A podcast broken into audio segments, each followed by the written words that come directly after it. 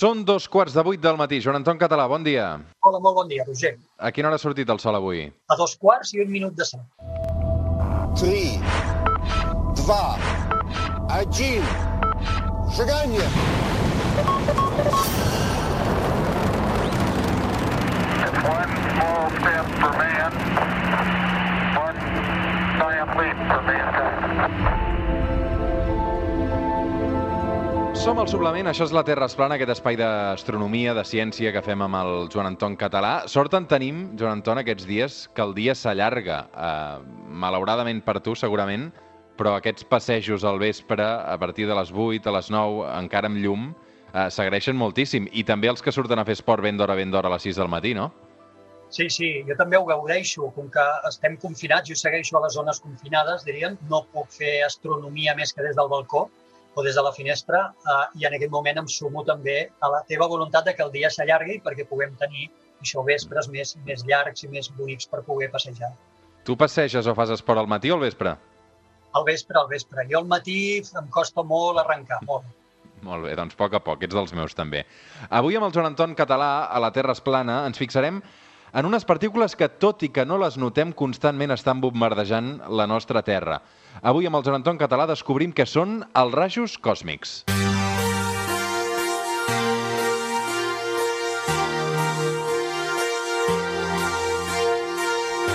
Joan Anton Català, què són aquests rajos còsmics que en realitat no són ben bé rajos, oi? Eh, no, ja començaríem eh, dient que no, que aquest nom que li hem posat de rajos còsmics? Es fa pensar en radiació, en, en raig d'alguna cosa, no és tal radiació, sinó que són partícules. El que passa que hem conservat històricament el nom de rajos per referir-nos a aquestes partícules. Uh -huh. De quin tipus de partícules estem parlant, Joan Anton? Bàsicament són eh, nuclis d'àtoms, nuclis que han estat despullats dels seus electrons, àtoms que han estat despullats dels seus electrons, i només queden els nuclis, i bàsicament és eh, quasi en un 90% nuclis d'hidrogen, és a dir, protons, perquè recordem que un protó és directament un nucli d'hidrogen, també hi ha com un 10% d'heli i una miqueta, tot el que quedaria, aquí hem sumat ja un 100%, però en realitat quedaria una cua molt petita de partícules que serien altres nuclis d'elements químics més pesats, com el carboni, l'oxigen, i així fins a arribar al ferro i més amunt. Totes aquestes partícules, per tant, per definició, com que hem dit que són nuclis atòmics, estan carregades elèctricament. No tenen electrons i, per tant, estan carregades elèctricament de forma positiva. Com es produeixen? D'on surten aquests rajos còsmics, Joan Anton? No ho tenim del tot clar, i, però el que sí que creiem és que hi ha moltes fonts a l'univers que generen rajos còsmics perquè n'estem rebent de molts tipus o de moltes energies, com després veurem. Per exemple, els associem normalment a fenòmens cataclísmics, és a dir, fenòmens molt, molt, molt energètics que siguin capaços de disparar projectils, que serien aquestes bales, aquests rajos còsmics, en totes direccions i a grans velocitats. Això podrien ser, per exemple, explosions de, de supernoves, recordem que són la mort explosiva d'algun tipus d'estrelles.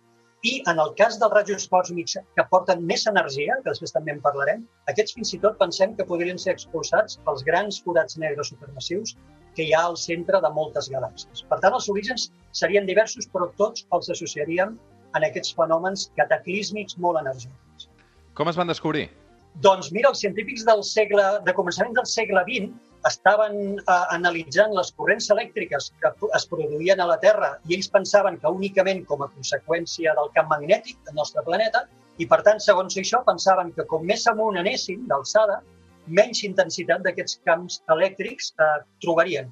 I va haver un experiment ja el 1909 en què un científic alemany de, no, de nom Theodor Wolff eh, va anar per sobre, a sobre de la Torre Eiffel, va pujar i sí que va veure que disminuïa la intensitat dels camps elèctrics, però no tant com pensàvem. I ja el cop de gràcia el dona del descobriment dels rajos còsmics, el dona un científic que es deia Victor Hess, que en un globus es va enlairar a alçada, a 1.100 metres, l'any 1911, i allà va veure la sorpresa. Va veure que, més que disminuir, allà les intensitats eh, elèctriques arribava a un moment que augmentaven, és a dir, que sobretot quan va tornar a pujar ja per sobre dels 5.000 metres, amb, amb, amb següents ascensions, va veure que el, la quantitat d'ions, de partícules carregades que hi havia a dalt de l'atmosfera era molt més gran de la que hi havia a baix. I per tant això els deia que la font d'aquells ions, d'aquelles partícules carregades, no podia ser eh, la Terra, sinó que havien de venir de fora de l'espai. Són perillosos? Molt. De fet, són molt perillosos perquè van eh, amb molta energia, transporten moltíssima energia, a pesar que són diminuts, perquè acabem de dir que són nuclis atòmics. Hi ha una magnitud en física eh, que n'anomenem quantitat de moviment, que bàsicament la quantitat de moviment és la massa per la velocitat de quelcom, la massa que té per la velocitat a la que es mou. I això és el que li dona la, aquesta capacitat de xoc que té una cosa. L'exemple més clar el tenim si eh, nosaltres, per exemple, xoquem contra un tren que, que té una massa enorme comparada amb nosaltres, per molt poc a poc que vagi aquest tren, les conseqüències del xoc per nosaltres seran catastròfiques. I és per això, perquè la quantitat de, de moviment és massa, en aquest cas la massa del tren enorme, per la seva velocitat, ni que sigui petita, la quantitat de moviment que transporta és molt gran. Doncs en les partícules, aquestes dels rajos còsmics, els hi passa al contrari que el tren. Tenen una massa molt petita però ens arriben a enormes velocitats. I per tant l'efecte és com el d'un tren, a pesar de que siguin petites. Eh? per això són tan perilloses per nosaltres. Escolta'm, i podem fer alguna comparativa per saber quanta energia transporten? Sí, sí, de fet eh, em vaig calcular algunes i ho vaig comparar amb, eh, perquè tots ens entenguem, en aquestes piles de tota la vida que utilitzem pels nostres equipaments electrònics, les piles de 1,5 volts. Val? Doncs una partícula normal, d'aquestes dels rajos còsmics eh, normals, equivaldria a l'energia que porta a uns quants milions de piles d'aquestes petites juntes. I coneixem eh, partícules, rajos còsmics, dels més energètics, dels que arriben amb més energia, que podrien equivaldre a trilions d'aquestes piles juntes, que això voldria dir que aquestes partícules transporten més energia que la que som capaços nosaltres de generar dintre de l'accelerador del CERN a Ginebra, imagina. Som al suplement, som a Catalunya Ràdio, avui amb el Joan Anton Català parlant dels rajos còsmics.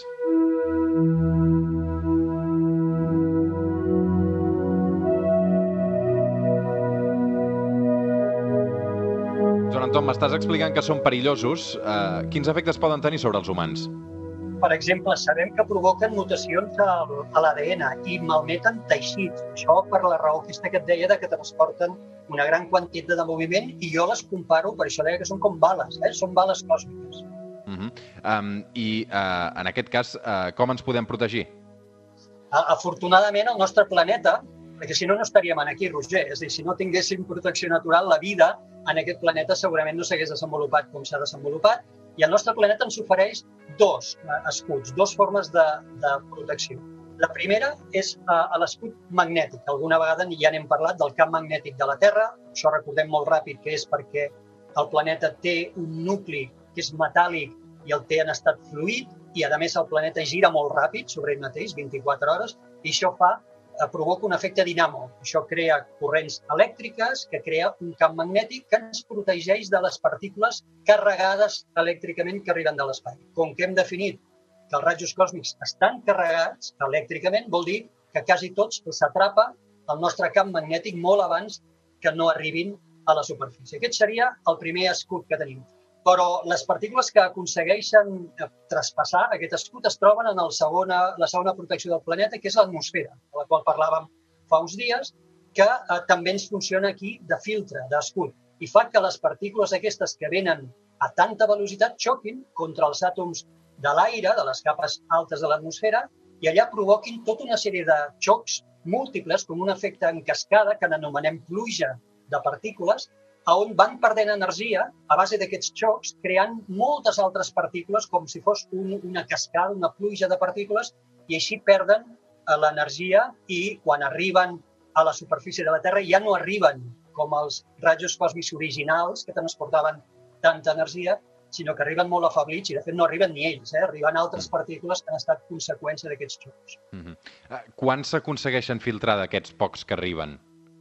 Doncs mira, estimem que entre els dos escuts, eh, entre l'escut magnètic i l'atmosfera, eh, la Terra filtra el 99,9% de tots els rajos còsmics. I perquè et facis una idea de si no tinguéssim aquests escuts, és a dir, de quants n'arriben eh, sense filtrar, quants n'arribarien sense filtrar, doncs estimem que dels més inofensius, d'aquells que transporten més energia, que tot això són perillosos, eh, n'arriben més o menys uns 10.000 de rajos còsmics, unes 10.000 partícules per cada metre quadrat i a cada segon. I afortunadament aquesta densitat disminueix a mesura que els rajos còsmics són més energètics i, per tant, eh, més perillosos. Per tant, la vida a la Terra sense aquestes dues capes protectores seria impossible, no? Almenys la vida que coneixem. Eh? Segurament tu i jo no hi seríem. Eh, igual la vida hagués estat possible, però eh, hagués evolucionat i hagués seguit camins completament diferents. Eh? Per exemple, no sé, desenvolupant-se sota terra, eh, perquè, lògicament, doncs, la mateixa superfície donaria una protecció, o, o sota els mars, eh, però sense sortir, com sí que va passar eh, al nostre estil de vida o model de vida. Per tant, eh, a lo millor la vida sí seria possible, però seria una vida molt diferent on probablement nosaltres no hi som. Uh -huh. A, la Terra m'expliques que estem protegits d'aquests rajos còsmics, però fora de la Terra, com s'ho fan, per exemple, els astronautes? Clar, hem de vigilar-ho molt. Els astronautes, de fet, quan surten de l'atmosfera ja perden la primera protecció i tal com es van allunyant del planeta van perdent, fins que l'acaben perdent completament, la segona protecció, que és la de l'escut magnètic mentre viatgen tenim la protecció de les naus, però és, és eh, efímera i, a més, no és total aquesta protecció de les parets de les naus, perquè tampoc podem fabricar naus molt pesades amb parets enormes. No? Llavors, aquí la qüestió és que els viatges interplanetaris hauran de ser el més curts possibles i, sobretot, les bases que instal·lem, per exemple, a Mar o a la Lluna, hauran d'estar molt protegides i no és descartable, i això ja ho havia comentat jo alguna vegada, que les col·loquéssim sota terra inicialment, perquè el que dèiem abans, no? estar sota terra ens, ens donaria aquesta protecció que no ens donaria l'atmosfera marciana, que, per exemple, és feblíssima, només és l'1% de la que tenim aquí. Uh -huh. uh, més enllà d'aquest perill que pot suposar els rajos còsmics, uh, tenen alguna mena d'utilitat pels humans?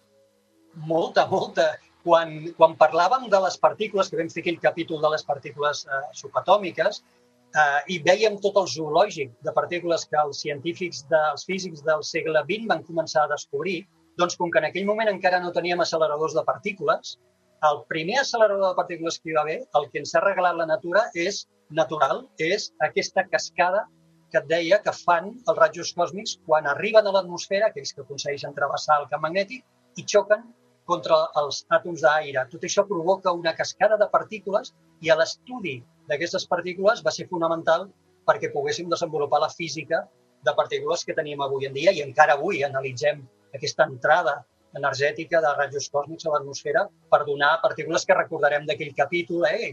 Hi havia moltes, els muons, eh, l'antimatèria, per exemple, els positrons, els pions, totes aquestes partícules es van descobrir a partir d'aquestes cascades d'altres partícules provocades per rajos còsmics. Uh -huh. Com els estudiem, aquests rajos còsmics, Joan Anton?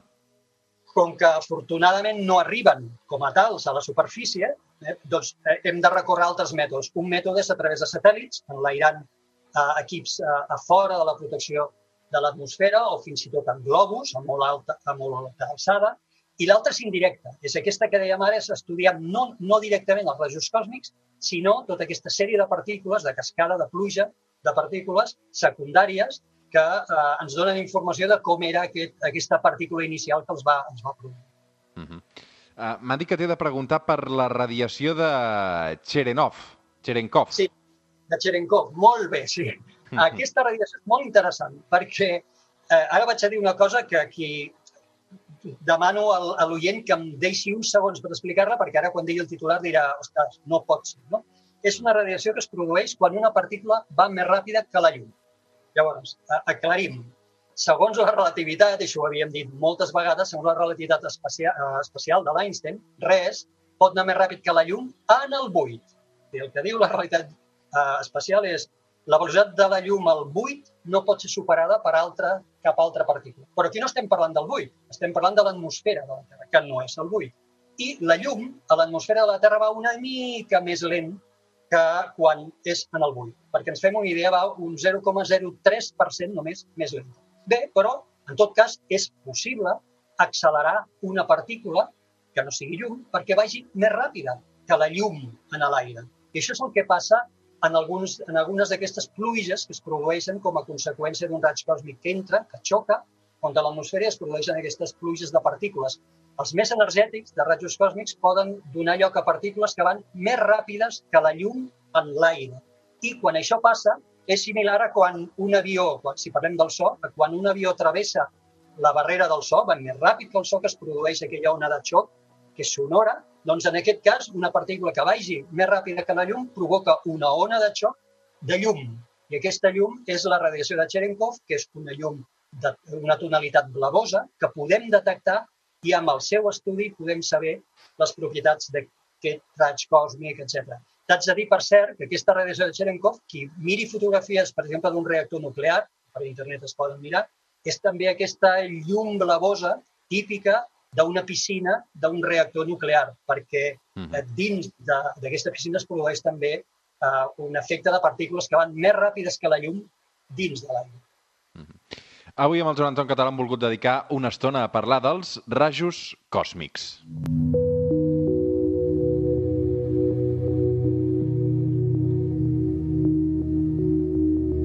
Conclusió, Joan Anton, no hem de patir. No, pels ratjos còsmics no, per altres coses no ho sé, pels ratjos còsmics no. Mm -hmm. Què hi veurem aquesta setmana al cel? Doncs eh, seguim tenint aquells tres planetes que sempre estem anomenant les últimes setmanes, que són Júpiter, Saturn i Mart, eh, sobre l'horitzó sud-oest, ja s'han anat movent més cap al sud, de matinada. I eh, com que anem cap a, Lluna Nova, que serà el dia 22, la propera matinada justament tindrem una, una escena superxula de matinada on tindrem la Lluna minvant molt baixeta, molt baixeta, sobre l'horitzó est, abans de la sortida de Sol, i per sobre d'ella aquests tres planetes visibles, Júpiter, Saturn i Mart. Mm -hmm. uh, suposo que també dediques bona estona a, a mirar el cel encara que sigui des de casa, no, Joan Anton? Oh, i tant, i per xarxes socials, sobretot pel Twitter, per Estels i Planetes, normalment sempre cada matí eh, indico el que podem veure i també els passos visibles, que són molt xulos, de l'Estació Espacial Internacional, per exemple. Mm -hmm.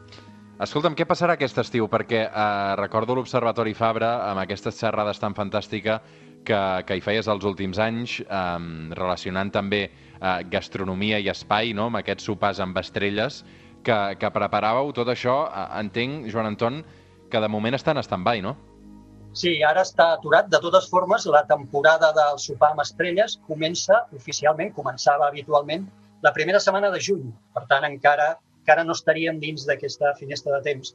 I estem a l'espera de veure eh, com es podrà fer, en quines condicions, etc. Sí, sí, però esperem poder-ho seguir fent perquè és una activitat amb molt, molt d'èxit i que és, bueno, fa molts anys que es fa i la gent li encanta. Mm -hmm. Escolta'm, l'altre dia pensava, uh, tenim astronautes um, per, per, per, per explorant uh, l'univers uh, durant aquest temps uh, i durant aquesta pandèmia o no? Sí, a veure, permanentment, des de l'any 2000, eh, tenim l'estació espacial que està ocupada. Permanentment, des de l'any 2000. En aquest moment hi ha tres astronautes, fa poc n'eren sis, eh, perquè va arribar una, havia arribat una nova tripulació i l'anterior es passen uns dies junts i llavors l'anterior ja va baixar. En aquest moment tenim tres astronautes a l'Estació Espacial Internacional. Però aquí la cosa xula, Roger, és que aquest mes de maig als Estats Units, per primer cop, des de l'any 2011, i estan tots entusiasmats i pendents d'aquest tema, tornaran a tenir tecnologia, que és la del Elon Musk, per pujar astronautes a l'espai, pujar astronautes americans a l'estació espacial sense haver-li de pagar al Putin el bitllet de la Soyuz, eh? perquè des de que van eh, acabar amb els transbordadors espacials, els americans no disposaven de tecnologia pròpia i havien d'utilitzar la Soyuz russa per qualsevol astronauta que anés a l'espai. I aquest mes de maig, a final de maig, es farà el primer vol tripulat amb una nau de SpaceX, que és la companyia de l'Elon Musk, americana, que tornarà a portar els americans amb tecnologia pròpia per enlairar-se cap a l'espai. Uh -huh. uh, per tant, uh, entenc que, que la investigació continua, eh? Sí, i de fet els dos astronautes que viatjaran en aquesta nau que ara et deia, de SpaceX, estan confinats, estan en quarantena, en una quarantena habitual, per altra banda. Eh? Ja n'havíem també comentat alguna vegada de l'estació espacial. Ja abans de la pandèmia ja, ja passaven una quarantena perquè, òbviament, es vol impedir que puguin portar una enfermetat que no s'hagi detectat cap a l'estació espacial. Eh? Mm. Ara encara més, més cura de tot això, fins i tot amb el, amb el contacte amb la premsa, que abans era molt directe i ara és com més indirecte. No? Però, com et deia, els dos astronautes que pujaran a l'estació espacial ja es troben en quarantena. Mm. Per cert, Joan Anton, ah, ahir al suplement, ahir dissabte, vaig tornar a entrevistar Pedro Duque, eh, el teu amic i ministre de, de Ciència. Eh, evidentment, ara involucrat en, en tasques molt més polítiques. Eh, li vaig fer una pregunta que era, escolti'm, eh, senyor ministre, què passarà abans? Arribarem a Mart o trobarem la vacuna eh, contra el coronavirus? I em va dir, bé, eh, arribar a Mart eh, sabem segur que, que és possible, eh, no ho farem breument, però sabem que és possible. Eh, la vacuna contra el coronavirus eh, sí que la trobarem, però de moment encara, encara no la tenim, no? Uh, vull dir que um, relacionava també una mica això, el tema de Mart el donava per fet i, i, i la vacuna doncs encara era una incògnita. Sí, jo espero, vaja, jo, jo dono per fet la vacuna no, no pels meus coneixements mèdics, sinó una mica per sentit comú, no? Jo penso que no, no, no devem estar gaire lluny de poder desenvolupar una vacuna efectiva contra el coronavirus. Uh, I tinc més dubtes de, del tema Mart. Sí que a Mart la humanitat hi arribarà, no en tinc cap mena de dubte, però aquí jo sí que no m'atreviria a apostar-me els calarons sobre una data, a pesar de que les agències espacials principals posen el, el 34, 2034 o 2035 sobre la taula, però aquí jo sí que no, a tan llarg termini, eh, jo no m'atreviria a apostar i en canvi sí que apostaria amb el tema de la vacuna del coronavirus a, a mig, curt mig termini. I per què el 2035? Perquè hi ha moltes coses. Mira, ara fèiem el tema, el capítol dels rajos còsmics i dèiem, bueno, sí. quan els astronautes surten de la protecció del camp magnètic i, i hem d'intentar que els viatges siguin curtets. Doncs mira, un viatge curtet a Mart són set mesos. Clar. Viatge d'anar a Mart, quan Mart i la Terra s'han col·locat bé, això passa cada dos anys, són set mesos. Val, ja els tenim en allà. I ara què fem? No poden tornar directament perquè aquesta configuració Terra-Mart que fa que el viatge sigui de set mesos ja s'ha perdut. I ara ja no seran set mesos de tornada, ara seran molts més. Què fem? Els fem tornar o els fem que es quedin en allà protegits dins la nau fins que passin dos anys? bueno, hi ha molts detalls, aquest és un, però hi ha moltíssims detalls tècnics que hem de, hem de pensar bé, hem de superar i, a més a més, abans hem de tornar a la Lluna. No podem pretendre donar el gran salt a Mars sense haver tornat a la Lluna i practicat. Mm -hmm. Joan Anton Català, molt, molt interessant, com sempre, la Terra es plana, aquest espai de ciència que fem els diumenges a l'hora que surt el sol. Una abraçada, cuida't! Gràcies, igualment, Roger.